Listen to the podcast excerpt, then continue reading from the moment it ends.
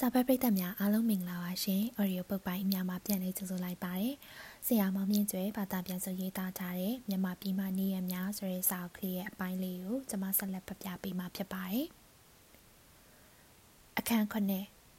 Elizabeth သည်လက်ကစတင်းအိမ်ဧကန်ထဲမှဆိုဖာပေါ်တွင်ခြေထောက်တင်၍ခေါင်းအောက်တွင်ခေါင်းတစ်လုံးခံထားပြီးလဲလျောင်းရင်းမိုက်ကယ်အာလင်းချစ်စရာကောင်းသောဤလူစုဆိုသောစာအုပ်ကိုဖတ်နေသည်။ ခြုံ၍ပြောရမည်ဆိုပါကမိုက်ကယ်အားလင်းသည်သူမ၏စိတ်ကြိုက်စာရေးစရာဖြစ်တော်လဲလီနက်သောစာကိုဖတ်ရှုလိုသည့်အခါတွင်မူဝီလီယံဂျီလော့ကိုသာပို၍သဘောကျပေသည်အဲကန်သည်နေရန်များကိုထုတ်တုပ်ထားသောအယောင်ခက်ဖြော့ပြော့နှင့်အေးမြသည့်အခန်းတစ်ခန်းဖြစ်သည်ကျဲဝင်းတော်လဲဟိုနေရာတွင်တစုဒီနေရာတွင်တစုရှိနေသောစပွဲများနှင့်ဘာယာနတိမှကြေးဝပစ္စည်းများကြောင့်မူလားထက်ပုံငယ်သည်ဟုထင်ရသည် ထိုအခန်းသည်တရက်တဲ့ပိတ်စာများနှင့်ပန်းကြောင်နှံများနံနေသောအခန်းဖြစ်သည်မစ္စလက်ကာစတင်သည်အပေါ်တက်၌အိပ်ပျော်နေသည်အပြင်ဘက်တွင်မူအစီကံများသည်သူတို့၏အိတ်ခမ်းထဲတွင်၌တစ်သားကောင်းများကိုကောင်းအောင်၍လူသေးများပတ်မှတိတ်တိတ်ဆိတ်ဆိတ်အိတ်နေကြသည်မစ္စတာလက်ကာစတင်သည်လည်းထိုလမ်းထဲ၌ရှိသောသူ၏တစ်သားရှုံးကန်ချင်းချင်းလေးထဲ၌အိပ်ပျော်နေပွဲရာရှိသည်အဲလီဇဘက်နှင့် ချွတ်ကရားကလေးတို့ကလွယ်၍မြည်သူမှလှုပ်လှုပ်ရှားရှားမလုပ်ကြပါမစ္စလကာစတင်၏အိတ်ခမ်းအပြင်ဘက်မှလေရက်ပန်ကားကြီးကိုဆွဲနေသောချွတ်ကရားကလေးသည်ကျိုးခွင်းထဲ၌ခြေဖနှောက်တစ်ဖက်ကိုဆွပြီးပလက်လှန်၍အိတ်နေသည်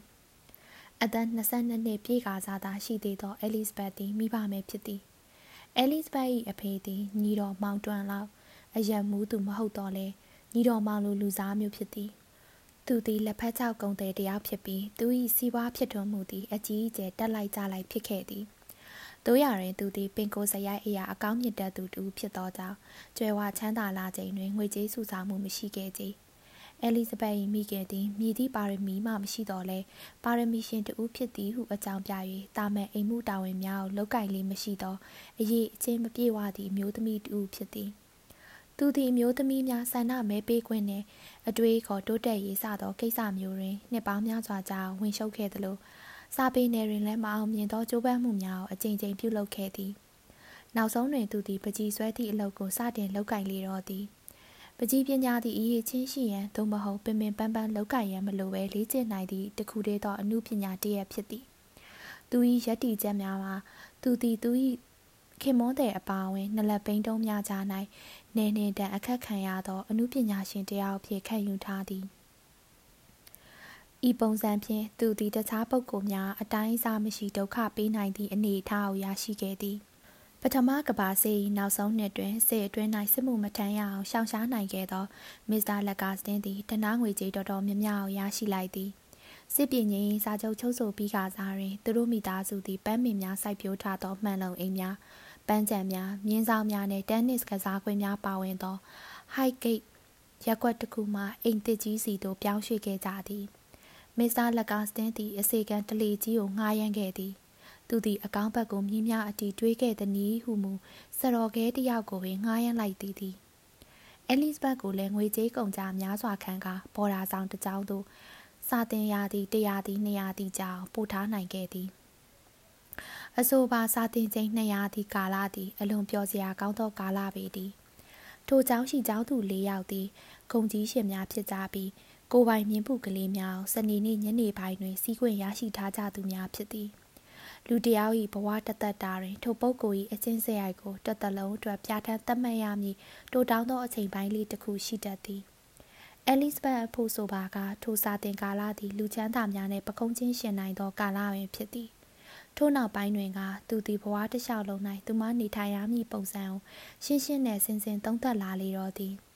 သူမကကောင်းသည်ချစ်စရာကောင်းသည်ဟုဆိုသောသတ်မှတ်ချက်တွင် အဖိုးထိုက်တန်မှုကြက်တည်ရှိမှုအထက်တန်းကြားမှုတို့ပါဝင်သည်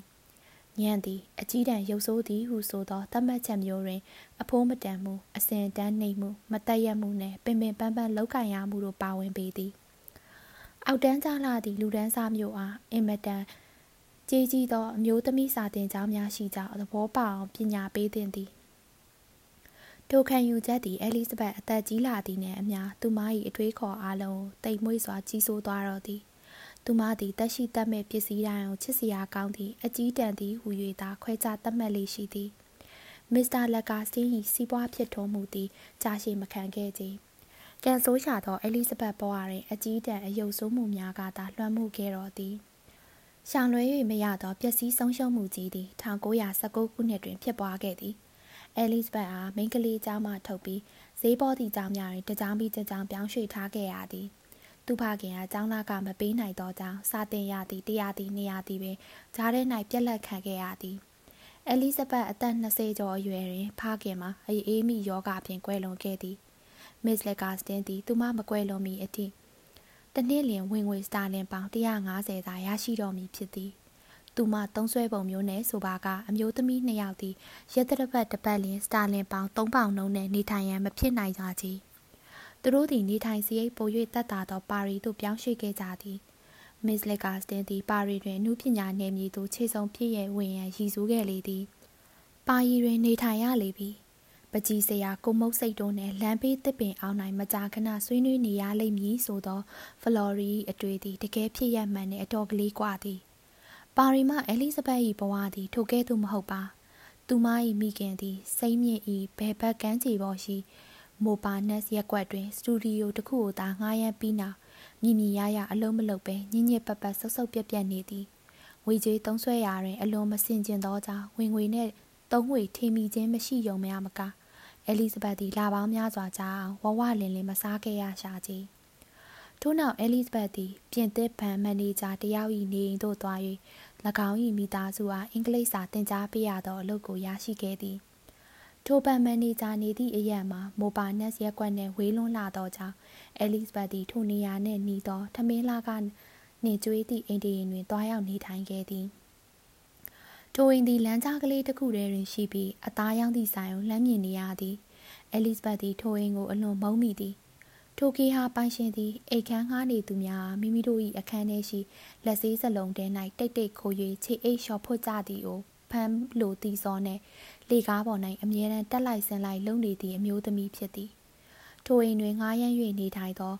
အပေါက်ဆိုး၍စိတ်ထားပုတ်ကြသောမုတ်ဆိုးမများကလည်းထိုကေယာ၌တူးတည်းရှိနေသောကိုထိတ်ပြောင်အား စာကလေးများအစာဝိုင်းလူနေကြသလိုအလူအရက်ဝိုင်း၍ပိုးပန်းနေကြလေသည်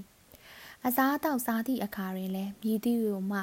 ပိုထက်ပေးသည်နည်းဆိုသောမနာလိုသောစိတ်တယောက်ပကံကိုတယောက်ကအမြဲတမ်းအကဲခတ်လေးရှိသည်အဲလိဇဘတ်စာသင်ပေးနေရသောကလေးများ၏ဖခင်ဗန်မယ်နေကြသည်လည်းအသက်50ကျော်ခန့်ရှိပြီးဝဝတုတ်တုတ်နဲ့ထိတ်ပြောင်နေသူဖြစ်သည် သူမရောက်ရှိပြီးဒုတိယနေ့မြောက်တွင်ထိုလူသည်ကလေးများစာသင်နေသည့်အခန်းထဲသို့ဝင်လာပြီးအဲလိဇဘတ်ရဲ့နဘေးတွင်ထိုင်၍သူမ၏တတောင်စစ်ကိုလက်နှင့်စိတ်သည်တတိယနေ့တွင်သူမ၏ခြေတလုံးလက်နှင့်စိတ်သည်စတုထနေ့တွင်ဒုက္ခခွက်ကိုလက်နှင့်စိတ်သည်ပြင်စမားနေ့တွင်ဒူးစစ်အပေါ်ကိုလက်နှင့်စိတ်သည်ထိုနေ့မှစ၍ညနေတိုင်းလိုလိုပင်အဲလစ်ဘတ်သည်သူ့အားအမြဲတစေဒုက္ခပေးနေသောထိုလက်ကိုအတန်မထွက်ပဲခုခံကာကွယ်နေရလေတော့သည် ထိုဘဝသည်အလွန်စိတ်ပြက်စရာကောင်းသောဘဝပင်ဖြစ်သည်တကယ်တကယ်တွင်ရခင်ကထိုဘဝမျိုးရှိသည်ဟုသူမှမတွေးခဲ့မိခဲ့သောအလွန်အကြီးတန်းသည့်အဆင့်အထိရောက်ခဲ့သည်တို့ရာတွင်သူ့အားစိတ်သက်အလွန်မင်းကြာဆင်းစေသည့်ကိစ္စမှာသူမ၏မိခင်၏စတူဒီယိုပင်ဖြစ်သည်မစ်လီကာစတင်သည်အစေခံများမရှိသည့်အခါ၌လုံးဝမလုတ်တက်မကင်တတ်သောလူစားမျိုးဖြစ်သည် သူမသည်အိမ်မှုကိစ္စများကိုဆောင်ရွက်ရခြင်းနှင့်ပကြီးဆွဲခြင်းစသောကိစ္စနှမျိုးကြား၌အစဉ်ပြများနေရသူဖြစ်သည်တို့ရာတွင်မြည်သည့်ကိစ္စကိုမှမမေရရမလုပ်ပါထိုစတူဒီယိုသည်စိတ်ပြက်စရာကောင်းသည်ဆိုသည့်အဆင့်ထက်ပို၍ဆိုရသည်အဲလိဇဘတ်သည်ပါရီတွင်မိတ်ဆွေတငယ်ချင်းမရှိပါမိခင်မိတ်ဆွေပေါင်းသင်းများမှလည်းသူ့လိုအမျိုးသမီးကြီးများနဲ့မဖြစ်စလောက်ဝင်းငွေကလေးပေါ်တွင်ရက်တည်ရင် တစ်ထွင်းပကြီးသို့မဟုတ်ကျွေရေးပကြီးစသည်တို့လေ့ကျင့်သင်ကြားပေးနေကြသောအဖြစ်မရှိလာသည့်တက်ကြီးရွယ်လူပြိုကြီးများသာဖြစ်ကြသည်သူမ၏မိခင်ကိုမျက်စိရှည်တွင်စက်နမူနာအဖြစ်မြင်နေရသောကြောင့်အမှုပညာကိုအဲလီဇဘတ်ခါခါတီတီယုံမုံသွားသည်မှာတဘာဝကြားလာပေသည်တကယ်တကယ်တွင်မူတာမန်လူများထက်အသိဉာဏ်ပိုကြီးသူများသည်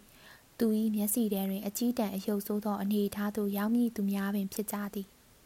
တကယ်လူကောင်းများသည်စာရေးခြင်းပကြီးဆွဲခြင်းအတွေးခေါ်မြမာသောနိုင်ငံရေးသဘောတရားများကိုတောက်ဝင်ယုံခြင်းချင်းစသောအတိပ္ပယ်မရှိသည့်အလုပ်များကိုလုပ်ကြသူများမဟုတ်ကြပါမိမိကိုယ်ကိုပန်းတပန်းသို့မဟုတ်အာမခံကုမ္ပဏီတစ်ခုခုတွင်ဝင်အလုပ်လုပ်ရမည်အစားတသက်လုံးငငတ်ပြက်ပြက်နဲ့နေရန်ပို၍ဆရာထက်သန်သောပကြီးစရာတယောက်နဲ့တွေ့ရလိုက်သည့်အခါအဲလိဇဘက်သည်ထိုလူအားသူမိခင်၏အပေါင်းဖော်များထပ်ပင်ပို၍ယုံမုံမိတော်သည် လူတယောက်သည်ကောင်းမွန်သောရှင်ကျေးသောကိစ္စအားလုံးကိုတမင်ရှာခွင်းပြီးအရာမရောက်သောကိစ္စနောက်သို့အနည်းနာခံပြီးလိုက်နေခြင်းသည်ရှက်စရာကောင်းသည့်တာမကထိုလုံးရမှာအစဉ်အတန်းနှိမ့်ချလာသောဒုစရိုက်မှုကြီးပင်ဖြစ်သည်အဲလိဇဘက်သည်လူအပြိုကြီးဘဝကိုအလွန်ကြောက်ပါသည်တို့ရရင်ထိုလူမျိုးနဲ့အိမ်အောင်ပြုမိအစားအပြိုကြီးဘဝကိုအကျဉ်းတထောင်အတီခါးစည်း၍သီးခံနိုင်မိတာဖြစ်သည် အဲလိဇဘက်ဘာတွင်နှစ်နှစ်နီးပါးနေထိုင်ပြီးချိန်တွင် သူမ၏မိခင်သည်အစာအစိတ်ဖြစ်၍ပြုံးကနေတိတ်ဆုံးသွားလေတော့သည်အံ့ဩစရာကောင်းသည်မှာသူမ၏မိခင်သည်ထိုထက်စော၍မကွယ်လွန်ခဲ့ခြင်းပင်ဖြစ်သည်အဲလိဇဘက်သည်စတာလင်ပေါင်တရားဝင်မပြည့်တတ်သောငွေကလေးနှင့်လောကကြီးရဲ့တွင်ကြံ့ရည်ခဲ့တော်သည်သူမ၏ဦးလေးနှင့်အတော်တို့ဟာမြန်မာနိုင်ငံမှတန်ချိုးရိုက်ပြီးချက်ချင်းသူတို့နဲ့အတူလာရောက်နေတိုင်ရန်ဖိတ်ခေါ်လိုက်သည်တာမက စာတစောင်လဲထဲလိုက်မည်ဖြစ်ကြောင်းထဲသွင်းအကြောင်းကြားခဲ့လေတော့သည်မစ်လီကာစတင်သည်ဖောင်တိန်ကိုပါဇက်ထဲတွင်ထည့်ရင်စာရွက်ကိုငုံကြည့်ပြီးအတန်ကြာအောင်စဉ်းစားခန်းဝင်နေခဲ့သည်ကျမတို့ကလေးမကိုဒီကိုခေါ်ထားရလိမ့်မယ်တင်နေဘာပဲပြောပြောတစ်နှစ်လောက်တော့ခေါ်ထားရမှာပဲစိတ်ပြက်စရာကောင်းလိုက်တာရှင်ဒါပေမဲ့ကလေးမမှာရုပ်ရည်ကလေးကအသင်တင်ရှိမယ်ဆိုရင်တစ်နှစ်လောက်အကြာမှအိမ်အောင်ကြတတ်ပါတယ် ကျမအဲ့ဒီကလေးမလေးကိုဘလို့အတိပေးရမလဲတော့ဘလို့အတိပေးရမလဲဟုတ်လားဟိုမှာနေတာထက်စားရင်ဒီမှာလင်တယောက်ရဖို့ပိုလွယ်တယ်လို့ရေးလိုက်အဲ့ဒီလိုမျိုးခက်ဆန်ဆန်ပေါ့ကွာမင်းလဲတီသားနဲ့ပဲဥစ္စာဘလို့လဲတော့ရှင်ပြောလိုက်တာမှတောက်ခွကြီးပဲမစ်လင်ကစတင်းကရေးလိုက်သည်ဒီနေဟာမျိုးငယ်ကလေးတစ်မျိုးဖြစ်တဲ့အပြင်တို့ကလည်းတောထဲမှာတော်တော်ကလေးအနေများတယ် ပါရီကပြောစရာတွေထက်စားရင်မင်းတီမှာတော်တော်ကလေးပြင်းနေမှာပဲလို့ထင်မိတယ်ဒါပေမဲ့ဒီလိုမျိုးငယ်ကလေးတွေမှာမိမ့်မပြိုကလေးတွေအတွက်ကောင်းကွက်တွေရှိပါတယ်အဲ့ဒီမိန်းကလေးဟာဒေတာကန်အတိုင်းဝိုင်းထဲမှာဧကရီကလေးဖြစ်နေလိမ့်မယ်အိမ်တော်မပြူရသေးတဲ့ပုံကိုယ်တွေဟာအထီးကျန်နိုင်လွန်းလာတဲ့အတွက်ထူးထူးခြားခြားဆိုသလိုမိန်းကလေးတွေနဲ့တိတ်ပြီးအပေါင်းအသင်းလှုပ်ချင်ကြတယ်ကွယ်အဲလစ်ဘတ်သည်စတာလင်ပေါင်30ကုံအောင်နွေရာသီဝတ်စုံများဝယ်ယူလိုက်ပြီး နောက်ချက်ချင်းပင်တင်မောနဲ့ခီးထွက်ခဲ့တော်သည်တင်မောကြီးသည်မြေထဲပင်လယ်ကိုဖြတ်တန်းခုန်ပေါင်းခဲ့ပြီးသည့်နောက်စူအပ်တူးမြောင်းမှတဆင်အစိမ်းရောင်တန်းနေသောအိန္ဒိယသမုဒ္ဒရာထဲသို့ရောက်ရှိလာတော့သည်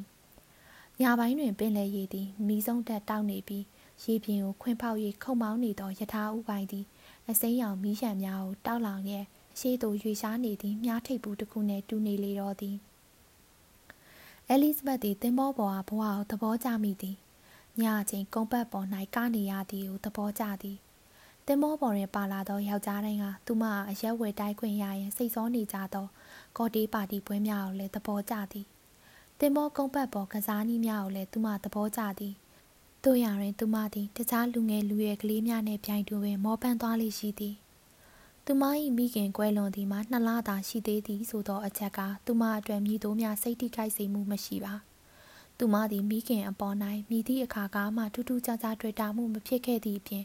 တင်မောပေါ်အားလူများကလည်းသူမ၏ကိုရေးကိုယ်တာများကိုသိကြသည်မဟုတ်ပါကြက်တီကင်းမဲလာသောနှစ်နှစ်တာကာလလွန်မြောက်ချိန်တွင်ကျွဲဝါချမ်းသာသောပတ်ဝန်းကျင်နှင့်ပြန်လည်ဆုံစည်းရသည်ကိုချစ်စရာကောင်းလာပေသည်တင်မောပေါ်၌လိုက်ပါလာသောလူများစုသည်ချမ်းသာကြသည်မဟုတ်ပါတို့ရရင်သူတို့အားလုံးလူချမ်းသာများလိုပင်ပြုမှုချင့်ကြံကြသည်သူမသည်အိန္ဒိယကိုသဘောကျမည်မှသိကြသည် တကြားခီးတဲ့များ၏စကားများကိုနားထောင်ပြီးနောက်သူသည်အိန္ဒိယအကြောင်းတော်တော်တန်တန်နားလေသဘောပေါက်နေလေသည်သူမတက်မြောက်ရန်အထူးလိုအပ်မည်ဖြစ်သောဟင်တူစတန်နီဝါကြတချို့ကိုလည်းတင် जा သွားပြီဖြစ်သည်ကလပ်များတွင်ခေါင်းပေါင်းဖြူများကိုပေါင်းထားပြီးဖနက်မစီကြသောခြားတိတ်ကလေးများရိုးရိုးသေးသေးဆက်လန့်ပေးကြဖို့ပန်ကာလေးရက်များကိုတစ်ဖြက်ဖြက်ဆွဲပေးနေကြပုံစသောကလပ်များ၏စိတ်ချမ်းမြေ့စရာအနေအထားနှကမ်းပွေခတ်တူတူညှက်ထားပြီးမိုင်တန်ကွင်းထဲတွင် မြင်းစည်းရန်ပိုလိုရိုက်ကစားနေကြသောကြေးနီအောင် အသားအရာအသားရည်နှင့်အင်္ဂလိပ်လူမျိုးများစသည်တို့မမြင်ဘူးသေးတော့လဲကြိုတင်မြင်ရောက်ပြီးသဘောကျနေသည်အိန္ဒိယတွင်မျက်နှာဖြူများနေထိုင်ကြသည့်ပုံစံမှာတကယ်ချမ်းသာနေပြီးတကယ်သို့အရသာရှိလာပေသည်သူစင်းနှင်းလိုက်ပါလာသောတင်မောကြီးသည်ကြည်လင်ပြီးမြာစိမ်းရောင်တန်းနေသောရေပြင်ကိုဖြတ်တန်း၍ကိုလံပုံမျိုးတွင်စိုက်ကပ်ခဲ့သည် ကွန်စားထားသောကြောင့်နှကမ်းများသွေးရောင်ထိပ်ပင်နီရဲနေကြသောတမန်သမားများသည်တင်မောကိုကြိုဆိုရန်တံပံများကိုခတ်၍အလူရက်ထွက်ပေါ်လာကြသည်တင်မောပေါ်မှခီးတဲ့များဆင်းလာကြစဉ်တမန်သမားများသည်ကုန်းမောင်တဝိုက်တွင်တိုးဝေပြီးအလူရက်အော်ဟစ်နေကြသည်အဲလီဇဘတ်နှင့်သူမ၏မိတ်ဆွေများဆင်းလာချိန်တွင်တန်ပန်ဦးကိုကုန်းပေါင်စီသို့အနီးကပ်တိုးကပ်ထားကြသောတန်ပန်ဝါလာနှစ်ယောက်သည်အတန်ကုန်အော်ဟစ်ပြီးသူတို့အားခေါ်နေကြသည် သူနဲ့လိုက်မသွားနဲ့ကလေးမတွေသူနဲ့မလိုက်နဲ့သူကအင်မတန်စိုးသွမ်းတယ်မိန်းကလေးတွေမစည်းသင့်ဘူးသူပြောတဲ့အလေးညာစကားတွေကိုနားမထောင်ကြပါနဲ့ကလေးမတို့ရာသူကတော်တော်ကိုယုံညံ့နေလူသူကအကွက်စင်ပြီးလိန်ညာနေတာပါတိုင်းရင်သားတွေရဲ့မကောင်းတဲ့အလိန်ညာတွေပဲပေါ့ဟာဟာသူကတိုင်းရင်သားတယောက်တောင်မဟုတ်ဘူးသူကဥရောပတိုက်ကလေးမျက်နှာဖြူတွေဟာအတူတူတွေကြီးပဲဟေးမင်းတို့နှစ်ယောက်ရန်ဖြစ်တာကိုရက်လိုက်စမ်း မရက်ရင်ငါတယောက်ယောက်ကိုကန်ချမိလိမ့်မယ်အဲလီဇဘတ်မိတ်ဆွေ၏ခင်မွန်းဖြစ်သူချန်ပိုင်ရှင်ကပြောလိုက်ခြင်းဖြစ်သည်သူတို့လူစုသည်တမန်တစင်းထဲသို့ဆင်းလိုက်ကြပြီးသည့်နောက်နေအောင်ကြီးကြောက်တောက်တောက်ပြောင်ပြောင်ဖြစ်နေသောတင်မောစိတ်သို့လိုက်ပါသွားကြလေသည်ထိုပွဲတွင်အနိုင်ရလိုက်သောတမန်ဝါလာသည်သူ့ပြိုင်ပတ်အားတတွေးနှင့်လှမ်းထွေးလိုက်သည်သူထွေးလိုက်သည့်တတွေးမှာပါဇက်နှင့်အပြည့်ဖြစ်သည်သူသည်တတွေးကိုအချိန်တန်ကြောင်စူဆောင်းထားခဲ့ရပုံရလေသည် အရှိတိုင်းတီကဤသို့ပင်သည်အုံးစီနံကရမတ်နံတစ်ချက်ပိုးနံနှနွေးမုံနံများသည်ပူနွေသောလေထဲတွင်လွင့်မျော၍ပါလာတတ်ကြသည်အဲလီဇဘတ်၏မိတ်ဆွေများသည် သူမအားလာဗီးနီးယားတောင်သို့မော်တော်ကားနှင့်ခေါ်သွားသည် သူတို့သည် ကိုကာကိုလာလိုအမြုပ်ထနေသောပင်လယ်ရီနွေးနွေးတွင်ရေချိုးခဲ့ကြသည်သူမသည်ညနေခင်းတွင်တင်မောစီသို့ပြန်လာပြီးနောက်တစ်ပတ်ကြာသောအခါရန်ကုန်သို့ရောက်ခဲ့လေသည် မန္တလေးမြို့မြောက်ဘက်တွင်ထင်းနှက်ခုံမောင်းနေသောမိရထားကြီးသည်ညွညွမိုင်မိုင်တောင်တန်းများဝင်းရံထားသည်ကွင်းပြင်ကျဲကြီးများကိုဖျက်တမ်းကာတနာရီလျင်16မိုင်နှုန်းဖြင့်တရွေ့ရွေ့ခုံမောင်းနေသည်ငဟင်းငံများမလုံးမရှက်နားနေကြသလိုမြေပြင်ပေါ်၌ပုံထားသောငရုတ်သီးကြောင်များသည်နေကြီးထဲတွင်ကြက်သွေးရောင်ပေါက်နေသည်နေစောစောဝင်သွားပြီးချိန်တွင်ရထားကြီးသည်ပူရာကလေးငယ်ကလေးများ၌ခိတရက်တန်ကဆက်လက်မောင်းနှင်သွားသည် စပင်ရှင်များကိုခေါင်းပေါ်တွင်ရောက်ထုံးထုံးထားကြသောအဝယ်စားမလုံးမလဲနှင့်အမျိုးသားများသည်မိတို့မီးရောင်များအောက်တွင်ဟိုဟိုတီတီရှောက်သွားနေကြသည်အဲလစ်ဘတ်၏အမြင်တွင်သူတို့သည်တရေတပတ်များနှင့်တူနေကြသည်မိရထားကြီးသည်တော်တဲ့သို့တိုးဝင်ခုံမောင်းသွားရာမမြင်ရသောတစ်ကိုင်းများပဒင်းပေါက်များကိုပုတ်တိုက်သွားကြသည်ကြောက်တရားမျိုးသူည9နာရီခန့်မိရထားကြီးစိုက်ကပ်လာသည်အဲလစ်ဘတ်၏ဦးလေးနှင့်တော်တော်တို့ကမစ္စတာ မက်ဂရီကာ၏မော်တော်ကားနှင့်လာဆောင်နေကြသည်အစီကံတချို့ကမိတုံများကိုကင်ထားသည်သူမ၏အတော်သည်ရှေ့သို့တိုးထွက်လာပြီးအဲလစ်ဘတ်၏ပခုံးတိမ်မွေ့သောလက်များနှင့်ကင်လိုက်သည်မင်းကတိုးတူမအဲလစ်ဘတ်ပဲထင်ပါရဲ့တွေ့ရတာတိတ်ကိုဝမ်းသာတာပဲကွယ်မစ္စလီကာစတင်ကပျော့ပျော့ဆိုဆိုအဲလစ်ဘတ်အားနမ်းရှုပ်လိုက်သည်မစ္စတာလက်ကာစတင်ကဇနီးဖြစ်သူ၏ပခုံးပေါ်မှကြော်၍မိရောင်ဖြင့်အဲလစ်ဘတ်အားစိုက်ကြည့်လိုက်သည် ထို့နောက်သူဟာလီချွန်တန်တဝက်အန်အောတန်တဝက်နှင့်အဲလစ်ဘတ်အားပွေဖက်ပြီးနမ်းရှုပ်လိုက်သည်သူသည်လိုအပ်သည့်ထက်ပို၍နမ်းရှုပ်လိုက်သည်ဟုအဲလစ်ဘတ်ကတွေးလိုက်သည်သူမသည်သူတို့နှစ်ယောက်စလုံးရခင်ကတခါမှမတွေ့ခဲ့ဘူးကြီးညစာစားပြီးကြသောအခါအဲကန်ထဲရှိပန်ကာအောက်တွင်အဲလစ်ဘတ်နှင့်သူ၏အတော်တို့ဆွေးနွေးကြသည်မစ္စတာလက်ကာစတင်သည်တရုတ်စကားပန်းနှံကိုရှူရှာရန်ဟုအတန်ကောင်းဟစ်ပြီးပန်းညံနေတွင်လမ်းလျှောက်နေသည် တကယ်တော့မူစေကန်တယောက်ကအိမ်နောက်ဘေးဘက်မှခိုးထုတ်လာမည်ရေရွှေကြီးကိုခိုးကြောင်ခိုးဝက်တောက်ဖို့ဖြစ်သည်တူမာလေးရဲ့တိတ်လာတာပဲနော်မင်းကိုနောက်တစ်ချိန်ပြန်ကြည့်ပြရစီအောင်မစ္စလက်ကာစတင်ကအဲလစ်ဘတ်၏ပခုံးကိုကန်လိုက်သည်မင်းကအီဒန်စတောင်းနဲ့ကြည်ကောင်းတာပဲပါရီမှာညှက်ခဲ့တာလားဟုတ်ကဲ့ရှင်အားလုံးပဲအီဒန်စကောက်ကိုညှက်နေကြပါတယ်ဥကောင်းသိမယ်ဆိုရင်တော့အဲ့ဒီစတောင်းနဲ့လိုက်တာပေါ့ရှင်လှလိုက်တာဟဲ့ လိတ်ခွေကိုင်းမျက်မှန်ကလည်းတိတ်ခင်မိတာပဲတို့မှဒီလောက်ချစ်စရာကောင်းတဲ့ဒူမာကလေးတယောက်ရှိတယ်ဆိုတာမသိခဲ့ဘူးမင်းသက်ဘလောက်ရှိပြီလို့ပြောခဲ့ပါလေ22နှစ်20နှစ်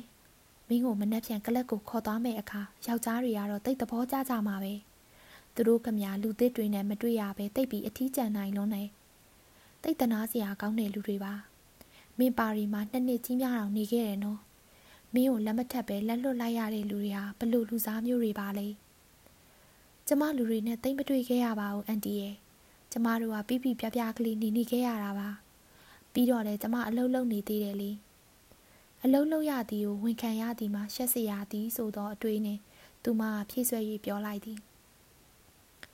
ဟုတ်တာပေါ့ဟုတ်တာပေါ့မစ္စလက်ကာစတင်ကတပ်ပြင်းချလိုက်သည်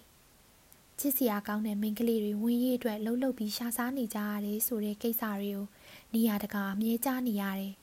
တော်တော်ရှက်ဖို့ကောင်းတဲ့ကိစ္စပဲစင်းရဲနွမ်းပါတဲ့အမျိုးသမီးပေါင်းများများစွာကခင်မွန်းတယ်တွေကိုလိုက်ရှာနေကြတဲ့အချိန်မှာအမျိုးသားတွေကအိမ်အောင်မပြုတ်ပဲနေကြတာဟာတကူကောင်းဆန်လွန်းလာတယ်လို့မထင်ဘူးလားကောင်းအဲလစ်ဘက်ကမဖြေတော့အခါမစ်လက်ကာစတင်ကနောက်ထပ်တပ်ပြင်းတစ်ချက်နဲ့ထပ်မံဖြည့်ဆွတ်လိုက်ပြန်သည်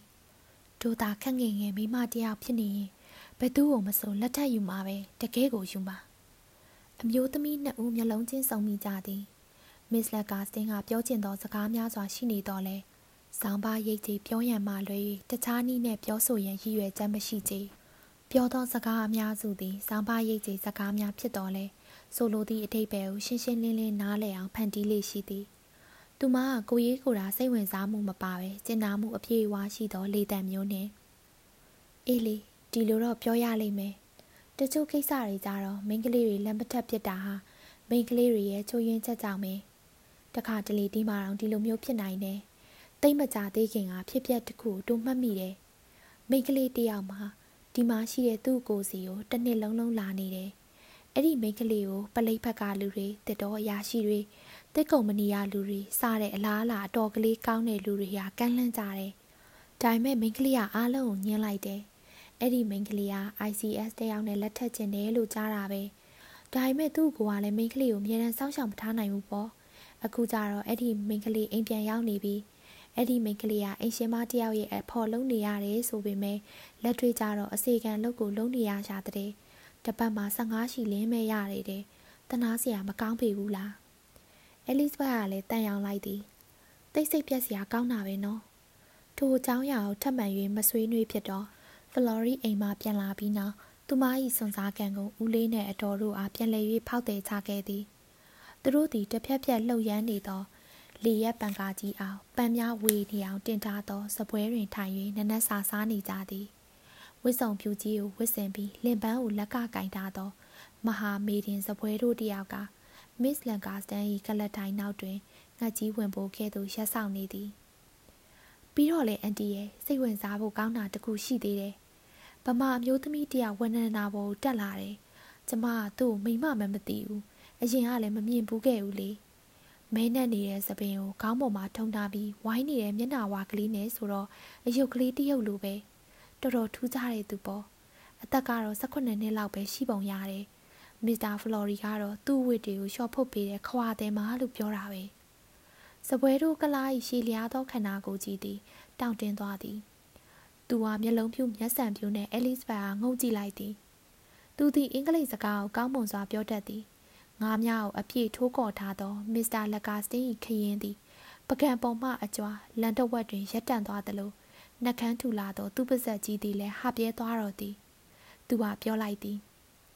ခွာတယ်မှာဟုတ်လားအဲ့ဒါဆိုရင်တော့မှားနေပြီလို့ပြောရမှာပဲငါသိရသလောက်ကတော့ဒီနိုင်ငံမှာခွာတယ်မှာဆိုတာမရှိပါဘူး အဝယ်စားရှော့ဖွတ်တဲ့ခွာအလုပ်ကိုယောက်ျားတွေကပဲလုပ်ကြတာပါငါအမြင်ကတော့ထိုးနောက်သူသည်စပွဲအောက်ရှိသူ့ခြေပြားများကိုတယောက်ယောက်ကတက်နှင်းလိုက်သည့်အလားရုတ်တရက်စကားပြောရက်တန့်သွားလေတော့သည်အခန်းရှိထိုနေ့ညနေတွင်ဖလော်ရီသည်ကိုဆန်လာစပင်ညက်သူကိုခေါ်ခိုင်းလိုက်သည်စပင်ညက်သောထိုကလားသည်ထိုမျိုးရှိတူးဒီသောစပင်ညက်စရာဖြစ်ပြီး ကူလီကလားများကိုတလားလင်ငါးမှုနှုံဖြင့်တရက်ချားတစ်ကြိမ်မုတ်စိတ်ရိပ်ပေးရသောလုပ်ငန်းနှင့်အသက်မွေးသူဖြစ်သည်ဤမျိုး၌တခြားစပင်ညက်စရာမရှိသောကြောင့်မျက်နှာဖြူများသည်သူ့ကိုပင်အသုံးပြုကြရသည်တက်နစ်ရရမှာဖလော်ရီပြန်လာသောအခါစပင်ညက်ကလားသည်ဝရန်တာပေါ်၌ရောက်နေလေသည်ဖလော်ရီယာသပင်ညက်ကက်ကြီးများကိုကြွကြွဆူနေသောရှင်တွေကွန်ဒီပိုးသက်စေစားတီတို့နှင့်ပိုးသက်စေပြီးသည့်နောက်သူ့သပင်ကိုညှက်စေသည်သူကကိုဆန်လာအားပြောလိုက်သည် ကျုပ်ရဲ့အကောင်းဆုံးဝတ်စုံနဲ့ပိုးရှက်အင်ကြီးတစ်ထဲပြီးတော့စိတ်တရေဖနက်တို့အစင်သင့်ထုတ်ထားပါပြီးတော့လည်းအရင်တစ်ပတ်ကရန်ကုန်ကမှာထားတဲ့လေစည်းအစ်စ်ကိုပါထုတ်ထားလိုက်စမ်းပါကျွန်တော်မျိုးလုပ်ပြီးပါပြီသခင်ကိုဆန်လာကသူဆောင်ရွက်ပါမည်ဆိုတော့အတိတ်ပဲနဲ့ပြန်ဖြေလိုက်သည်အိတ်ခမ်းထဲသို့ဖလော်ရီပြန်လာသောအခါကိုဆန်လာသည်တူထုတ်ထားသောအဝေးထည်များကိုနှစ်ပေတွင်တုံတုံမုံမုံနဲ့ရှိနေသည်ကိုတွေ့လိုက်ရသည် ဖလော်ရီသည်အဲလစ်ဘတ်နှင့်တွေ့ရမည်ဆိုသောမျှော်လင့်ချက်နှင့်အဝတ်စားသစ်များကိုဝတ်ဆင်ပြီးဖြစ်လေရာထိုကိစ္စကိုကိုဆန်လာမနစ်သက်လာကြောင်းချက်ချင်းပင်ပေါ်လွင်လာသည်ဖလော်ရီယာမေးလိုက်သည်မင်းကဘာကိစ္စနဲ့စောင့်နေရလဲတခင်အင်ကြီးဝေးရမှာအကူအညီပေးဖို့ပါဒီညနေကျုပ်ပါတာကျုပ်ဝင်မယ်မင်းသွားနိုင်ပြီသူမုတ်စိတ်မွေရဲရအောင်မယ်မုတ်စိတ်မွေရဲရသည်မှာထိုနေ့အတွက်ဒုတိယအကြိမ်ဖြစ်၍မုတ်စိတ်မွေရိတ်သည့်ပစ္စည်းများ ရီချိုးကန်းထဲသို့သူယူသွားသည်ကိုကိုစံလာမမြင်စေလိုကြည်သူသည်တရက်ထဲတွင် မုတ်စိတ်မွေနှစ်ကြိမ်ရိတ်ခဲ့ရသည့်ကာလမှာနှစ်ပေါင်းများစွာကြာခဲ့လေသည်သူသည်လေစည်းအသစ်ကိုလွန်ခဲ့သောအပတ်ကရန်ကုန်မှမှာယူပြီးသည်မှာကံကောင်းလေစွာဟုတွေးလိုက်မိသည်သူသည်ဝစ်စားများအောင်စိတ်ရှိရှိနဲ့ဝစ်ဆင်လိုက်သည်စပင်ညက်ပြီးကစားတွင်မာတောင်းနေသောတည်တည်တက်တက်ဖီး၍မရသောသူ့စပင်ကို15မိနစ်ခန့်ကြာအောင်ဖီးနေလိုက်သည် ထို့နောက်တွင်ကသူသည်အဲလိစ်ဘတ်နှင့်အတူဇေလန်အတိုင်းလမ်းလျှောက်နိုင်ခဲ့လေပြီသူသည်သူမအားကလတ်စာဖတ်ခန်းထဲတွင်တယောက်တည်းတွေ့ခဲ့ရသည်ဤတွင်ပြုံးကနေပေါ်ထွက်လာသောတက်တီများဖြင့်သူနှင့်အတူပြင်သို့လိုက်ခဲ့ရန်ခေါ်လိုက်မိသည်အဲလိစ်ဘတ်ကလည်းသူအံ့အားသင့်သွားလာအောင်ဦးလေးနှင့်အတော်တို့ကိုပင်တစုံတရာပြောကြားခြင်းမရှိဘဲချက်ချင်းထားလိုက်လာခဲ့သည်သူသည်မြန်မာနိုင်ငံတွင်အနေကြာခဲ့သောကြောင့်အင်္ဂလိပ်ထုံးစံများကိုမေးလျော်နေသည် တစ်ကိုင်းတစ်ခန့်များကခုံးမြတ်စာ၃ရက်လကလေးလို꿰ထားသောကြောင့်ဇီလန်ပေါ်ညောင်ပင်ကြီးအောက်တွင်မှောင်မိုက်နေသည်တို့ရတွင်တစ်ကိုင်းတစ်ခန့်များအကြားရှိလှဟာနေသောနေရာများမှာထိုးဖောက်၍မြင်နေရသောကြဲကလေးများသည်မမြင်ရသောကျိုးများနှင့်တွဲလောင်းဆွဲထားသောဘီးကွက်ကလေးများပမာဖြူဆွပြီးတောက်ပနေကြသည်အနက်မျိုးစုံတစ်မျိုးပြီးတစ်မျိုးပေါ်ထွက်လာသည်ပထမတွင်ဤနေအောင်မွေးသောတရုတ်စကားပဲနှင့်ထို့နောက်နွားချီသို့မဟုတ် ဒေါက်တာပါယာစွာမီတထက်အိမ်ကလေးနှင့်မျက်နှာချင်းဆိုင်တဲအိမ်များစီမှထွက်ပေါ်လာသောပုတ်အပ်အနက်နိုပင်ဖြစ်သည်၎င်းတို့နှင့်တိတ်မဝေးသောနေရာများစီမှပုံတံများပေါ်ထွက်နေသည်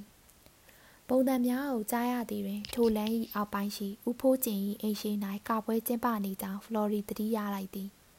ထိုပွဲအတွက်စရိတ်စကားကိုတခြားလူတယောက်ယောက်ကကြားခံရတော့လဲထိုနေရာ၌ထိုပွဲကပြည့်အောင်ဥဖိုးကျင်ကသာစီစဉ်ပေးခဲ့ခြင်းဖြစ်သည်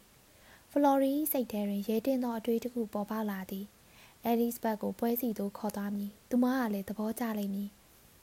အမြင်မှန်ရှိသောမည်သူမဆိုပွဲမကြိုက်ပဲနေနိုင်သည်မဟုတ်ပါသူတို့အကြာကြီးပြောင်းနေကြပြီးနောက်ကလတ်သို့ပြန်ရောက်သွားချိန်တွင်အတင်းပြောမှုများလည်းဖြစ်ပေါ်နေပေလိမ့်မည်ပြောကြစမ်းပါစေဘာဖြစ်ရမှာလဲအဲလီစ်ဘတ်သည်ကလတ်မှအယူများနှင့်ကွဲပြားခြားနားသူတစ်ယောက်ဖြစ်သည်ထို့ပြင်ပွဲသို့နှစ်ယောက်အတူတူသွားရခြင်းသည်အလွန်ပြောစရာကောင်းပေလိမ့်မည် ထိုအခိုင်တွင်ဆူဆူရှာရှာမှုတ်လိုက်သောနှဲတံများတကွမ်ကွမ်မြည်သောစီးတံများတတုံးတုံးမြည်နေသောပုံတံများအပြင်ထိုတံများကိုလွှမ်းသွားစေသောအမျိုးသမီးအမျိုးသားတယောက်၏အတန်အောကြီးတို့ဖြင့်ကြည်ကြည်ညံအောင်ဆူညံသွားတော့သည်အဲလစ်ဘက်ကရက်တက်ပြီးမေးလိုက်သည်အဲ့ဒါပါတန်လဲဂျက်စ်ဒီဝိုင်အဖွဲနဲ့အတန်နဲ့တူလိုက်တာတိုင်းရင်းသားဂီတတန်လေးသူတို့ပွဲကနေကြတယ်မြမာရီရဲ့ပြဆက်တစ်မျိုးပေါ်မင်းစိတ်ဝင်စားလိမ့်မယ်လို့ကြုတ်ထင်တယ် ဒီလန်းကွေအလွန်ကလေးတင်ပါ။အိုးအဲလစ်ဘတ်ကမရေမရာပြောလိုက်သည်။လန်ကွေကိုလွန်လာသည်တွင်သူတို့သည်လင်းထိန်နေသောမီးရောင်တဲသို့ရောက်ရှိလာကြသည်။ပွဲကြီးပရိသတ်ကြောင့်ဂိုက်30ခန့်ရှည်လျားနေသောလမ်းတစ်လျှောက်လုံးတွင်ပိတ်ဆို့နေလေတော့သည်။ထိုလူအုပ်၏နောက်ဘက်တွင် အပေါ်သို့မြင့်၍စောက်ထားသောဇက်စင်တစ်ခုရှိသည်။ဇက်စင်ဘော်တွင်စူညံစွာတီးခတ်နေသောဆိုင်းဝိုင်းကြီးရှိသည်။ဇက်စင်ဘော်တွင်တရုတ်နတ်ဖျားများနှင့်ခက်စင်စင်တူသောအဝတ်စားများကိုဝတ်ဆင်ထားသော တရှိများကိုကင်ထားကြသောလူနှစ်ယောက်ရှိနေသည်ပွဲခွင်းတစ်လျှောက်လုံးတွင်ဘီးစတုံးကြီးများကိုထုံပဒုံမှာပိတ်ပါအင်ကြီးကလေးများကိုဝတ်ထားကြပြီးပန်းရောင်ပဝါများကိုပခုံးပေါ်တွင်ပတ်ထားကြသောမျိုးသမီးများ၏အဖြူရောင်ကြောများကိုသာမြင်နေရသည်အမျိုးသမီးတချို့သည် ဖြာပေါ်တွင်တုံးလုံးပက်လက်အိမ်မောကြနေသည်မြေပဲစားလောလင်ပန်းတစ်ချက်ကိုကင်ထားသည်တရုတ်အဖိုးအိုကြီးတယောက်သည် လူကြားထဲတွင်လမ်းရှာ၍ရှောက်နေရင်တနာစရာအတန်ကလေးနှင့် မြေပဲမြေပဲဟုအော်နေသည်ဖလော်ရီယာပြောလိုက်သည်မင်းကြီးကျင်နေဆိုရင်ခဏရက်ပြီးကြည့်ကြမယ်လေလင်းထိန်နေသောအလင်းရောင်နှင့်ညံနေအောင်တီးမှုန်နေသောတီဝိုင်တို့ဟာအဲလစ်ဘတ်အားစိတ်ရှုပ်သွားစေခဲ့သည်တို့ရရင်ဇက်ယုံကြီးထဲ၌ထိုင်နေရသလိုလမ်းပေါ်၌ထိုင်ကြီးနေကြသောလူစုကိုအဲလစ်ဘတ်ကအထူးအံ့အားသင့်သွားမိသည်သူတို့ကဇက်ပွဲတွေကိုလမ်းပေါ်မှာအမြဲတမ်းကသလားထုံးစံပဲယာယီဇက်စင်တစင်ကိုစောက်ပြီးမနေ့ကျရင်ပြန်ဖြတ်ပစ်လိုက်တာပေါ့ ဇက်ကတညာလုံးကကြတယ်လေအဲလစ်ဘတ်ကမေးလိုက်သည်ဒါပေမဲ့သူတို့ကိုတလန်းလုံးပိတ်သွားအောင်ခွင့်ပြုထားသည်ရှိသလားခွင့်ပြုပါတယ်ဒီမှာရင်သွားလာအတွက်လမ်းစည်းကမ်းမရှိဘူးထိမ့်သိမ့်ပေးရမယ်ရင်လည်းရှိမှမရှိပဲထိုကိစ္စသည်အဲလစ်ဘတ်ဖို့အတွင်ထူးဆန်းနေသည်ထိုအချိန်တွင်ပွဲကင်းထဲမှပြိတ္တအားလုံးလိုလိုသည်သူတို့ဘက်သို့သမင်လဲပြန်လှည့်၍အင်္ဂလိပ်မောင်ငေးကြည့်နေကြလေသည် ထိုလူစု၏အလဲတွင်တလက်ထိုင်ဒါစင်ဝက်ခန့်ချထားပြီးအရာရှိအချို့နှင့်စရေးတချို့ထိုင်နေကြသည်ထိုလူစုထဲတွင်ဥဖိုးကျင်ရှိနေသည်ဥဖိုးကျင်သည်သူ၏စင်ကိုလုံးကြီးကိုလှည့်၍လှည့်ရန်ကြိုးစားရင်းမျက်နှာဖြူတို့နှုတ်ဆက်လိုက်သည်ဆိုင်းတန်ရက်သွားချိန်တွင်ကြောက်ပေါက်မှများရှိနေသောဘားတိုက်သည်လူအုပ်ထဲမှတိုးတိုးခွေးခွေးနှင့်ထွက်လာပြီးကြောက်ရွံ့သောအမှုရာနှင့်ဖလော်ရီယာဥညွတ်၍လက်အုပ်ချီလိုက်သည် ကျွန်တော်ဆရာဦးဖိုးချင်းဟာကိုရောနဲ့ဂုံတီရရှိတဲ့မျက်နှာဖြူအမျိုးသမီးကိုကျွန်တော်တို့ရဲ့ပွဲကိုခဏလာကြည့်ပါလို့ဖိတ်ခိုင်းလိုက်ပါတယ်ကိုရောတို့အတွက်ကလတ်ထိုင်တွေလည်းအဆင်သင့်ရှိပါတယ်ဖလော်ရီယာအဲလစ်ဘတ်ကိုပြောလိုက်သည်သူတို့ကကျုပ်တို့ကိုပွဲကင်းနဲ့လာပြီးထိုင်ကြည့်ပါလို့လာခေါ်နေတယ်မင်းရောကြည့်ကျင်သလားပျော်စရာကောင်းပါတယ်အဲ့ဒီလူနှစ်ယောက်မကြခင်ပြီးသွားပါလိမ့်မယ်ပြီးရင်ကားကြလိမ့်မယ်မင်းခဏလောက်တီးခတ်နိုင်မယ်ဆိုရင်ပေါ့လေ အဲလစ်ဘတ်ဖို့တော့ဝေခွဲ၍မရနိုင်အောင်ဖြစ်နေမိသည်နန်စော်နေသောတိုင်းရင်းသားလူအုပ်ထဲသို့တိုးဝင်သွားခြင်းသည်မသိရောတည်တာမကလုံခြုံမှုလည်းမရှိဟုထင်ရသည်တိုးတိုင်အောင်သူမသည်ဖလော်ရီယာယုံကြည်စိတ်ချပေသည်သူသည်မိတို့မိဘုံပြုမှုနေရမည်ကိုနားလေသူဖြစ်သည်ဟုယူဆရသည်ထို့ကြောင့်ကလတ်ထိုင်းစီသို့ဦးတည်၍သွားနေကြသောသူနောက်မှလိုက်ခဲ့တော်သည်ဖျားပေါ်တွင်ရှိနေကြသောမြမလူမျိုးများသည်သူတို့အတွက်လမ်းဖယ်ပေးပြီးသည့်နောက် နောက်မှငေးကြည့်ရင်တတွတ်တွတ်နှင့်ပြောဆိုနေကြသည်အဲလစ်ဘတ်၏ညိုတကြီးများသည်ပဒုံမှာပိတ်ပါအင်ကြီးဝတ်ထားသောနှွေးထွေးသည့်ကိုခန္ဓာများနှင့်ပုတ်တိုက်သွားမိသည်ချွေးနှံများကလည်းထောင်ကနေထွက်လာကြသည်ဥဖိုးကျင်သည်သူ့ဘက်သို့လှည့်၍ကိုတက်နိုင်တလောက်ကိုင်းရင်နှာခေါင်းတန်ပါပါနဲ့ပြောလိုက်သည်ကျေးဇူးပြုပြီးထိုင်ပါမဒန်ခမည်းနဲ့တီးကျွမ်းရတဲ့အတွက်အလွန်ပဲဂုဏ်ယူမိပါတယ်မင်္ဂလာရှိတဲ့ညနေခင်းမှာမစ္စတာဖလော်ရီ မျော်လင့်မထားတဲ့ဝမ်းသာစရာတစ်ခုပါပဲခမားတို့ကဒီကိုလာပြီးခုံဖြူမယ်ဆိုတာကိုကြိုသိထားခဲ့ရင်ဥရောပတိုက်ကတခြားရမကာတွေနဲ့ဝီစကီတွေကိုပါအစင်းသင့်စောင့်ထားရမှာပါဥဖိုးကျင်ဟာရီလိုက်ရာမှာကွန်သွေးဆိုးနေသောသူ့သွားများသည်မီးရောင်တွင်အနီရောင်ထိုးထားသောတန်ဖြူပြားပမာလက်ခနဲဖြစ်သွားကြသည် ဥဖိုးကျင်ခန္ဓာကိုယ်သည်ကြီးမားလွန်းလာပြီးကြောက်စရာကောင်းလွန်းလာသဖြင့်အဲလစ်ဘတ်သည်သူမ၏ကိုသူနှင့်ဝေးအောင်ကြုံမထားပဲမနေနိုင်ကိုလုံးကိုပေါသေးသေးလေးနဲ့မယမ်းရောင်လုံးကြီးကိုဝစ်စင်ထားသောခြားတိတ်ကလေးတစ်ယောက်သည်အဲလစ်ဘတ်ကိုဥညွန့်လိုက်ပြီးနောက်ရေခဲထည့်ထားသောရှာလပတ်ရည်ဖန်ကွက်နှလုံးပါသည့်လင်ပန်းကလေးအားသူ့ရှေ့သို့ထိုးပေးသည်ဥဖိုးကျင်သည်ခက်ကြဲကြဲမြည်အောင်လက်ခုပ်တီးပြီးသည့်နောက်အနားတွင်ရှိနေသောခြားတိတ်ကလေးတစ်ယောက်အား ဟိကောင်ကလေးဟုလှမ်းခေါ်လိုက်သည်သူကမြမဘာသာဖြင့်ညွှန်ကြားလိုက်ရာထိုးချတိုက်ကလေးသည်လူကြားထဲမှတိုးခွေ၍ဇက်စင်တောင်းစီသို့ရအောင်ရောက်လျှောက်သွားလေတော့သည်ဖလော်ရီယာပြောလိုက်သည်သူကကျုပ်တို့ကိုကွန်ပျူတာအနေနဲ့အကောင်းဆုံးမင်းသမီးကိုထွက်ခိုင်းလိုက်တာတွေ့လားအဲ့ဒီမင်းသမီးထွက်လာပြီဇက်စင်နောက်ဖက်တွင်စောင်းညောင်းထိုင်၍စိတ်လိမ့်တောက်နေသောမင်းသမီးတစ်လက်သည်ရှေ့သို့တိုးပြီးမြောင်တဲသို့ထွက်လာသည်သူမသည်အလွန်အသက်ငယ်ပြီးပခုံးသေးသွဲသည်သူမ၏ရင်သားများပြားချက်ချက် ခြေထောင်များကိုဖုံးထားသော အပြာနုရောင်ဖဲလုံကြီးကိုဝတ်ဆင်ထားသည်သူမ၏တင်ပါပုံမှာအင်ကြီးအနာဆုံးများသည်မြမလူမျိုးများ၏ရှေးဆုံးတန်အတိုင်းအပြင်ဘက်သို့ကော့ပြီးလှန်ထွက်နေသည်ထိုကရောင်စများသည် အောက်ဘက်သို့စိုက်ထားသောပန်းပွင့်တပွင့်မှာပွင့်ဖက်များနှင့်တူသည်သူမသည်ဆေးလိပ်ကိုဆိုင်းဝိုင်းနှင့်ရှိလူတစ်ယောက်ထံသို့ပြင်းပြင်းရီနှင့်လှမ်းပစ်ပေးလိုက်ပြီးသည်နောက်လက်မောင်းချက်သားများကိုခါထုတ်လိုက်သည့်အလားသေးသွဲ့သောလက်တစ်ဖက်ကိုဆန့်တုပ်ပြီးတွန့်လိန်ပစ်လိုက်တော်သည် ဆိုင်ဝိုင်းကြီးကညံစီသွားအောင်ဖြုံးကနေတီးမှုတ်လိုက်တော့သည်ထိုဒုရိယာများစကော့တလန်ပြည်ပြည်အိပ်ပလွေနဲ့တူသောနှင်းများဝါပြားကလေးများကိုတူအငယ်စားလက်ခတ်နှင့်ရိုက်၍တီးခတ်နေရသော ထူးဆန်းလာသည့်ဒုရိယာပစ္စည်းဝါပတ်တလားထို့ပြင်တူရိယာများ၏အလယ်၌အရွယ်မတူသောဘုံရှိဆနှလုံးတို့၏အလယ်၌ထိုင်နေသောမျိုးသားတစ်ယောက်လည်းရှိသည်ထိုသူသည်ဘုံကလေးများကိုလက်ဖက်နှောက်နှင့်တလုံးပြီးတလုံးလျင်မြန်စွာတီးခတ်နေသည် ချက်ချင်းလိုလိုပင်မင်းသမီးကလေးသည်စတင်၍ကတော့သည်တို့ရရင်အစားပထမ၌အကားမဟုတ်သေးကြီးရှေးဆန်သည်ခြားရဟက်ကြီးများတွင်တွေ့ရတတ်သောတစ်သားရုပ်ကလေးများ၏လှုပ်ရှားမှုများပပစီးကျက်ညီညီကောင်းဆက်ခြင်းကိုနေဟန်ထားပြောင်းလဲခြင်းနှင့်တထောင်စစ်များကိုကိုးခြင်းများသာဖြစ်သည်သူ၏လေပင်နှင့်တထောင်စစ်များကိုပတ်ချလဲလှည့်သည့်ပုံစံမှာလှုပ်ရှား၍ရအောင်ဆက်ထားသောရမင်းရုပ်ကလေးတရုပ်၏လှုပ်ရှားမှုနှင့်အတိအကျတူနေသည် ဒိုးတိုင်အောင်ခွေးခွေးကောက်ကောက်ရှိလာပေသည်လက်ချောင်းများကိုဆူဆီးထားပြီးမွေဦးကောင်းကဲ့သို့တွန့်လိန်လှုပ်ရှားနေသောသူမ၏လက်များအားလက်ဖြင့်နဲ့တပြေးညီဖြစ်လူနီးပါနောက်သို့လှန်ချနိုင်ပေသည်တဖြည်းဖြည်းနှင့်သူမ၏လှုပ်ရှားမှုများသည်ပို၍ပို၍မြန်လာသည်ဘေးတစ်ဖက်တစ်ချက်စီသို့ခုံရိပ်ကုန်၍ဥညွတ်လိုက်သည့်အလားကိုကိုရှေ့သို့ကိုင်းလိုက်ပြီးနောက်ရှေ့လျားသောလုံကြီးကသူမ၏ခြေထောက်များကိုတုံးနှောင်ထားသည့်တိုင်အောင်ထူးခြားသောဖြက်လက်မှုနှင့်စက်ခနဲပြန်ထားလာနိုင်ခဲ့သည် ထို့နောက်သူသည်ကိုယိုကာယပုံစံနှင့်ထိုင်ချလိုက်သည့်အလားဒူးကိုကို၍ကိုရှေ့သို့ကိုင်းလိုက်သည်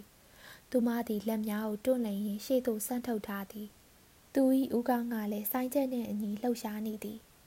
ဂီတတန်သည်အဆုံးသတ်ရန်အတွက်ပို၍မြန်လာသည်မင်းသမီးကလေးသည်စက်ခနဲပြန်ရက်လိုက်ပြီးနောက်မွတ်နေအောင်ကိုကိုလှည့်လိုက်ရာကထောင်စားများသည်စီးနှင်းများကြွေကြားသည့်ပမာလှုပ်ရမ်းနေကြတော့သည် မင်းသမီးကလေးသည်အားရပါရအော်ဟစ်အားပေးနေသောပရိသတ်အားကိုကိုဥညွှတ်၍ထိုင်ချလိုက်တော့သည်အဲလိဇဘက်သည်ထိုကားကိုပြင်းရည်မှုအံ့ဩမှုနှင့်ကြောက်စရာကောင်းမှုများရောပြိုးနေသောခံစားမှုများနှင့်ကြီးခဲ့ရခြင်းဖြစ်သည်သူမသည်ရှာလက်ပတ်ရည်ကိုအနှင်းငယ်မြင့်တောက်ကြည့်ရာခေါင်းလေးစီအရသာနှင့်တူကြောင်တွေ့လိုက်ရသည်ခြေရင်းရှိဖျားပေါ်တွင်မြမမာလေး၃ယောက်သည်ခေါင်းတစ်လုံးတည်းကိုအုံ၍အိမ်မောကြနေကြသည် သူတို့၏ဘဲဥပုံမျက်နှာကလေးများသည်ကြောင်ပေါက်စာကလေးများ၏မျက်နှာနှင့်ပင်တူသေးသည်ဖလော်ရီယာသူမ၏နေရွယ်နားသို့ကပ်၍ထိုအကအကြောင်းရှင်းပြနေတော့သည်သူသည်ဆိုင်းတန်ကိုအကာအကွယ်ယူ၍ခတ်တိုးတိုးရှင်းပြနေသည်ဒီကားကိုမင်းစိတ်ဝင်စားလိမ့်မယ်ဆိုတာကြုတ်သိတယ်ဒါကြောင့်မင်းကိုခေါ်လာတာမင်းကစာအုပ်တွေဖတ်ဘူးတယ်ရှင်ကျေးတဲ့နေရာတွေမှာနေတယ်မင်းဟာဒိုးလိုဒီနေရာလူရိုင်းတွေနဲ့မတူဘူး မင်းတီပွဲကိုထူးထူးဆန်းဆန်းကြည့်စရာတခုအနေနဲ့ကြည့်တယ်လို့မထင်ဘူးလားမင်းသမီးရဲ့လှုပ်ရှားမှုကိုပဲကြည့်စမ်းရုပ်သေးရုပ်လိုရှေ့ကိုထူးထူးခြားခြားကွေးချလိုက်တဲ့ပုံစံမျိုးဖြစ်အောင်တထောင်စစ်ကစားပြီးကွေးလိုက်တဲ့ပုံစံကိုကြည့်စမ်းအဲ့ဒီလှုပ်ရှားမှုတွေဟာကိုယ့်ရုပ်ကာယနိုင်တယ်အယုတ်တောင်ဆိုတယ်ပြီးတော့ကြောက်စရာကောင်းတဲ့သဘောမျိုးဆောင်သေးတယ်ဒါပေမဲ့နီးနီးကက်ကက်လေးလာကြည့်မယ်ဆိုရင်ရာစုနှစ်ပေါင်းများစွာရဲ့လှုပ်ရှားမှုနဲ့အမှုပညာတွေကိုမင်းမြင်ရလိမ့်မယ် အဲ့ဒီအမျိုးသမီးရဲ့လှုပ်ရှားမှုတိုင်းဟာမရေတွက်နိုင်အောင်များပြားလာတဲ့မျိုးဆက်တွေတစ်စင်ပြီးတစ်စင်အမွေပေးခဲ့ကြတာဒီအရှိတိုင်းသားတွေရဲ့အမှုပညာတွေကိုမင်းစစ်စစ်ဆက်ဆက်လေးလာမယ်ဆိုရင်သူတို့ရဲ့ရင်ကျေးမှုဟာသူတို့လူမျိုးတွေမဲနဲ့ဆိုပြီးအဝတ်မဝတ်ပဲနေကြတဲ့အချိန်လောက်အထိရှေ့ကျခဲ့ကြတယ်။မင်းကိုတတိချာချာရှင်းမပြနိုင်မိမယ်။မျိုးသမီးကလေးကလက်ကိုတွန့်လိန်ပြီးကားပြတဲ့အထဲမှာပါသွားတယ်။မင်းကသူ့ကိုကြည့်နေတဲ့အချိန်မှာလက်ကွင်းပြင်ကြီးတွေ ကျုံးပင်ကြီးတွေအောင်ကြီးရွာတွေစေတီပထိုးတွေအဝါရောင်တင်ငန်းရှုံထားတဲ့ဖုံးတော်ကြီးတွေနက်နက်စောစောမြစ်ထဲမှာရေစင်းချိုးနေတဲ့ကြွေးကြီးတွေတီဘောမင်းရဲ့နန်းတော်အဲ့ဓာတွေကိုမြင်ရလိမ့်မယ်။ဆိုင်းနံရုတ်တရက်ရက်တန့်သွားသောကြောင့်သူ့အတန်တီလည်းရက်တန့်သွားရတော့သည်။သူ့အချက်အလက်ပြည့်ပြည့်စုံစုံနဲ့ပွင့်ပွင့်လင်းလင်းဖွင့်ပြောရအောင်တွန်းအားပေးနေကြသောကိစ္စများတွင်ဇပွဲသည်လည်းတစ်ခုပါဝင်ဖြစ်သည်။ တို့ရရင်ယခုသူသည်ဖတ်၍တိတ်မကောင်းလာသောဝိထုပုံမှာဇက်ကောင်တယောက်ကပြောပြနေသလိုဖြစ်ကြောင်းတတိပြုမိလိုက်သည်။ဖလော်ရီယာမျက်နှာလွှဲလိုက်သည်။အဲလိဇဘတ်သည်သူ့စကားကိုစိတ်ပြက်လက်ပြက်နဲ့နားထောင်နေခြင်းဖြစ်သည်သူမ၏ပထမအဆုံးအတွင်းမှာဒီလူဘာတွေလာပြောနေပါလဲဆိုသည့်အချက်ပင်ဖြစ်သည်ထို့ပြင်သူမသည်သူမယုံမုန်းလာသောနှုပညာဆိုသည့်စကားလုံးတစ်ချိန်မကကြားခဲ့ရသည်ဖလော်ရီသည်လုံးဝတီကျွမ်းခြင်းမရှိသေးသည့်လူစိမ်းတစ်ယောက်ဖြစ်ပြီး သူနှင့်နှစ်ယောက်တည်းထွက်ခဲ့မိခြင်းသည်မိုင်မဲမှုတရက်ပင်ဖြစ်ကြောင်းသူမပထမအဆုံးသတိရလာမိတော့သည်အဲလိဇဘတ်သည်နှစ်ဘေးပွင့်ခြင်းမှာမျက်နှာမင်းများနှင့်လင်းထိန်နေသောမီးရောင်တို့လှမ်းကြည့်မိသည်ထူးဆန်းသောထုံမြင်ကွင်းကိုသူမကထိတ်လန့်သွားစေသည်သူမသည်ထိုနေရာ၌ဘာလာလုံနေပြီပါလေအသားမဲနှံ့နေသောသူများ၏ကြက်သွန်ဖြူနှံချွေးနှံ့တို့ကိုရှူ၍သူတို့လူအုပ်ကြားထဲတွင် ထိလူမတက်ထိုင်နေရခြင်းမှာတင့်မြော်သောကိစ္စဟုတ်ဟန်မတူပါ သူမသည်တခြားမျက်နှာဖြူများနှင့်အတူကလပ်တွင်အပေကြောင့်ရှိမနေရသည်။တိုင်းရင်းသားများအကြားသို့ခေါ်လာပြီးအလွန်ရိုင်းဆိုင်သောမြင်ကွင်းကိုဖလော်ရီဒါသူမအားဘေကြောင့်ပြသခဲ့ပါသည်။ဆိုင်းတန်ပေါ်လာပြန်သောကြောင့်မင်းသမီးကလေးသည်နောက်တစ်ကြိမ်ထကပြန်သည်မင်းသမီးကလေး၏မျက်နှာကိုလင်းကျန်ထားသောပေါင်တာမှုများအားလည်းထူထဲလာသောကြောင့်၎င်း၏မျက်နှာသည်တောက်ဝင်လှုပ်ရှားနေသောမျက်လုံးများပေါ်၌တက်ဆင်ထားသည့်မြေဖြူတုပ်ထားသည့်မျက်နှာဖုံးများပမာ မီးအောင်ထဲတွင်တပြောင်ပြောင်တလက်လက်ဖြစ်နေသည်ဆိုင်းတန်သည်အနှဲငယ်ပြောင်းလဲသွားလေရာမင်းသမီးကလေးသည်မာကြောကြောအတန်နှင့်တချင်းစားဆိုလေတော့သည်ထိုတချင်းကိုပရိသတ်တော်တော်များများလိုက်ဆိုကြသည်မင်းသမီးကလေးသည်ကိုရှေ့သို့ကိုင်းထားသည့်ထူးခြားသောကိုနေဟန်ထားနေပင်ကိုတပတ်လှည့်လိုက်ပြီးပရိသတ်ဘတ်သို့တင်မနှစ်ဖက်ကိုလှည့်၍ကနေလေတော့သည်သူမ၏ပိုးလုံးကြီးသည်တက်ထုလိုပြောင်လဲနေသည် မင်းသမီးကလေးသည်လက်နှင့်တထောင်စစ်များကိုလှုပ်ရမ်းရင်းတင်ပါနှစ်ဖက်ကိုပိညာရိမ့်ထိုးစေပြီးကနေသည်ထို့နောက်ဆိုင်းနံနှင့်ကိုက်ညီအောင်တင်ပါနှစ်ဖက်တဲကိုအချက်ကြကြလှုပ်ခါ၍ကလိုက်သည်ပရိသတ်တဲမှသဘောကျသောကြောင့်အော်ဟစ်အားပေးနေကြသံများပေါ်ထွက်လာသည်ဖြာပေါ်၌အိပ်ပျော်နေသောကလေးမလေး၃ယောက်သည်အိယာမှနိုးလာပြီးလက်ခုပ်တီးတော်သည်စရေးတယောက်ကမျက်နှာဖြူများနားလေစေသူသည့်ဆန္ဒဖြင့်အင်္ဂလိပ်လိုတော်တယ်ဟေးဟူထအော်လိုက်သည် တို့ရရင်ဥပိုးကျင်အားမျက်မှောင်ကုပ်ပြီးလက်နဲ့ဝှေ့ရမ်းပစ်လိုက်သည်သူကမျက်နှာဖြူမများအကြောင်းကောင်းကောင်းသိသည်တို့ရရင်အဲလိဇဘတ်သည်ထိုင်ရာမှထိုက်လိုက်လေပြီကျမသွားတော့မယ်ကျမတို့ပြန်ဖို့အချိန်ကြပြီအဲလိဇဘတ်ကပြုံးကနဲ့ပြောချလိုက်သည်သူမကမျက်နှာလွှဲထားသည်တို့ရရင်သူ့မျက်နှာပန်းရောက်ပြေးနေကြောင်းဖလော်ရီယာမြင်လိုက်သည်ဖလော်ရီသည်စိတ်ပြက်လက်ပြက်နဲ့အဲလိဇဘတ်နှစ်ဘေးတွင်မတက်ရက်လိုက်သည်ကျုပ်တို့နည်းနည်းလောက်ထက်နေလို့မရအောင်လားနောက်ကျနေပြီဆိုတာသိပါတယ် ဒါပေမဲ့သူတို့ကကျုပ်တို့ကိုဂုံပြူတဲ့သဘောနဲ့ဒီမင်းသမီးလေးကိုသူကကပြရမယ့်အချိန်တန်းနှစ်နာရီစောပြီးပွဲထုတ်ခဲ့ကြတာ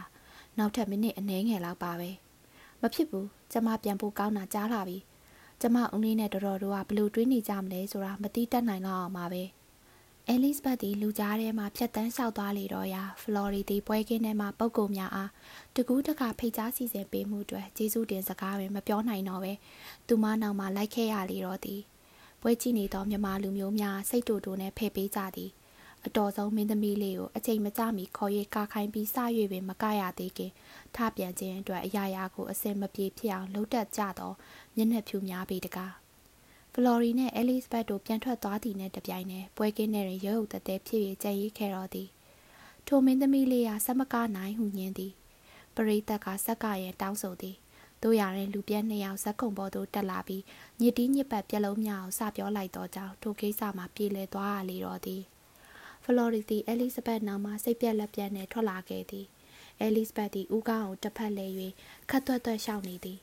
သူမသည်အတန်ကြောင်စကားမပြောခဲ့ကြကိုရိုနှစ်ယောက်တလောက်အဆင်ပြေနေပြီးမှဖြစ်ရပလေတယ်ဖလော်ရီယာထက်တလဲလဲတောင်းပန်ရန်စူးစမ်းသည်ဝမ်းနေပါလေကွာမင်းမကြိမ်မနဲ့ဖြစ်လိမ့်မယ်လို့ကိုမထင်ခဲ့မိလို့ပါ အရေးမကြီးပါဘူးရှင်ဝမ်းနေစရာဘာများရှိလို့လဲကျမကပြန်မှုအချိန်ကြပြီလို့သာပြောခဲ့တာပဲကျုပ်ကလည်းတွေးမိတင်တာပေါ့လေဒီလိုနိုင်ငံမျိုးမှာဒီလိုကိစ္စမျိုးသတိမထားမိတတ်ကြဘူးဒီနိုင်ငံကလူမျိုးတွေရဲ့ချိန်ငံရင်ကျေးတဲ့အမှုအကျင့်ဟာကျုပ်တို့ရဲ့အမှုအကျင့်တွေနဲ့တူကြတာမဟုတ်ဘူးတချို့ကိစ္စတွေမှာပိုပြီးတင်းကျပ်ပေမယ်အဲ့ဒီလိုလည်းမဟုတ်ပါဘူးအဲ့ဒါမျိုးမဟုတ်ပါဘူး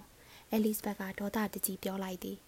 သူ့လှုပ်ပုံမှာပိုရိပ်ဆိုးရလာကြောင်းဖလော်ရီတတိပြုထားမိသည် သူတို့နှစ်ယောက်သည်ညှိသက်စွာရှောက်လာခဲ့သည်သူကနောက်ကဖြစ်သည်သူစိတ်ပြက်နေသည်သူတော်တော်မိုက်ခဲ့သေးတာပဲဒိုးတိုင်အောင်အဲလစ်ဘက်သူ့ဟာအပေကြောင့်စိတ်ဆိုးနေသည်ဆိုသည့်အချက်ကိုသူမယိမ့်မိသေးချေ